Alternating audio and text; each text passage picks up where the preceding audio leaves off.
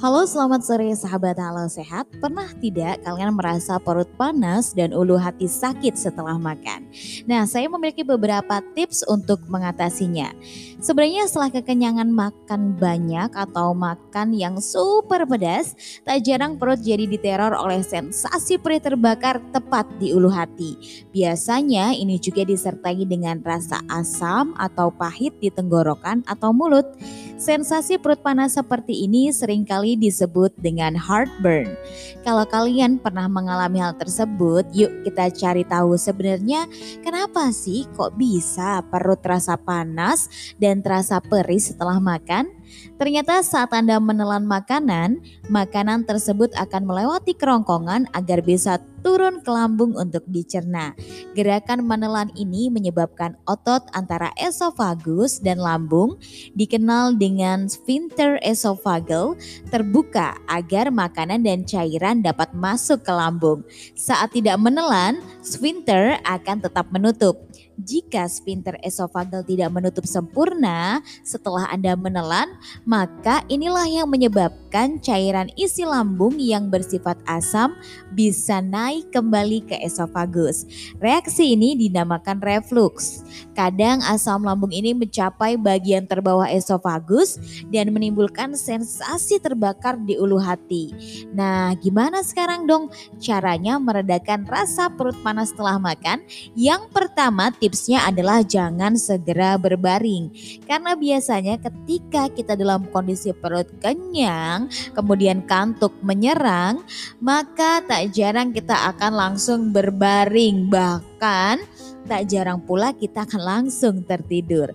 Ternyata langsung berbaring setelah makan dapat memperparah sensasi perut panas. Jadi kalau Anda mengantuk setelah makan, anda bisa berjalan-jalan singkat atau melakukan berbagai aktivitas ringan selama kurang lebih 30 menit. Misalnya mencuci piring atau berjalan di sekitar kompleks mungkin dapat menjadi pilihan yang baik untuk kalian. Nah waktu yang paling baik untuk berbaring adalah 2 jam setelah makan. Hindari juga mengkonsumsi makanan ringan sesaat sebelum tidur.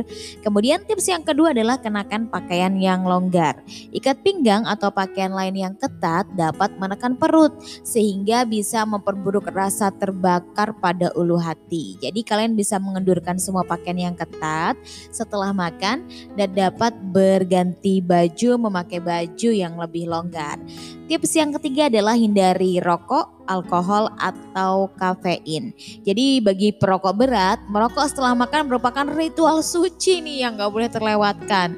Tapi ternyata eh ternyata merokok setelah makan justru dapat memperparah rasa perut panas. Ini karena merokok dapat melemahkan kinerja otot pada lambung yang berfungsi mencegah asam lambung naik ke tenggorokan. Kafein dan alkohol juga akan memberikan efek yang sama. Kemudian yang keempat adalah Tinggikan kepala dan tubuh bagian atas saat berbaring. Meninggikan bagian atas tubuh Anda sebanyak kurang lebih 10 sampai 15 cm saat rebahan dapat mencegah refluks asam lambung dan juga perut panas.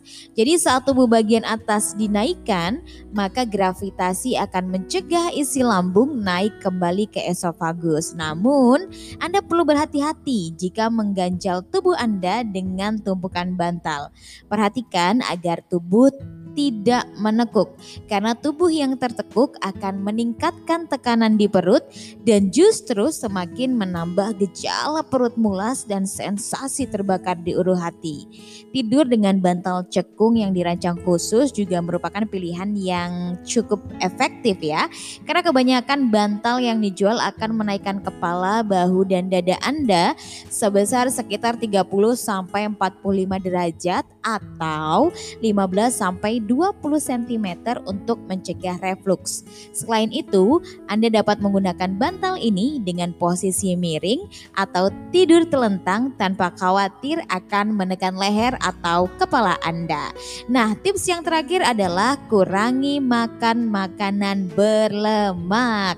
Selain mengubah kebiasaan setelah makan, penting juga untuk kalian mengusahakan mengkonsumsi makanan rendah lemak karena lemak dapat memperburuk gejala gejala panas dan mulas. Nah, setelah lima tips ini, kalau kalian merasa belum ada perbaikan, saran saya adalah segera berkonsultasi dengan dokter. Oke, sekian tips dari saya dan semoga bermanfaat untuk teman-teman semua. Dadah!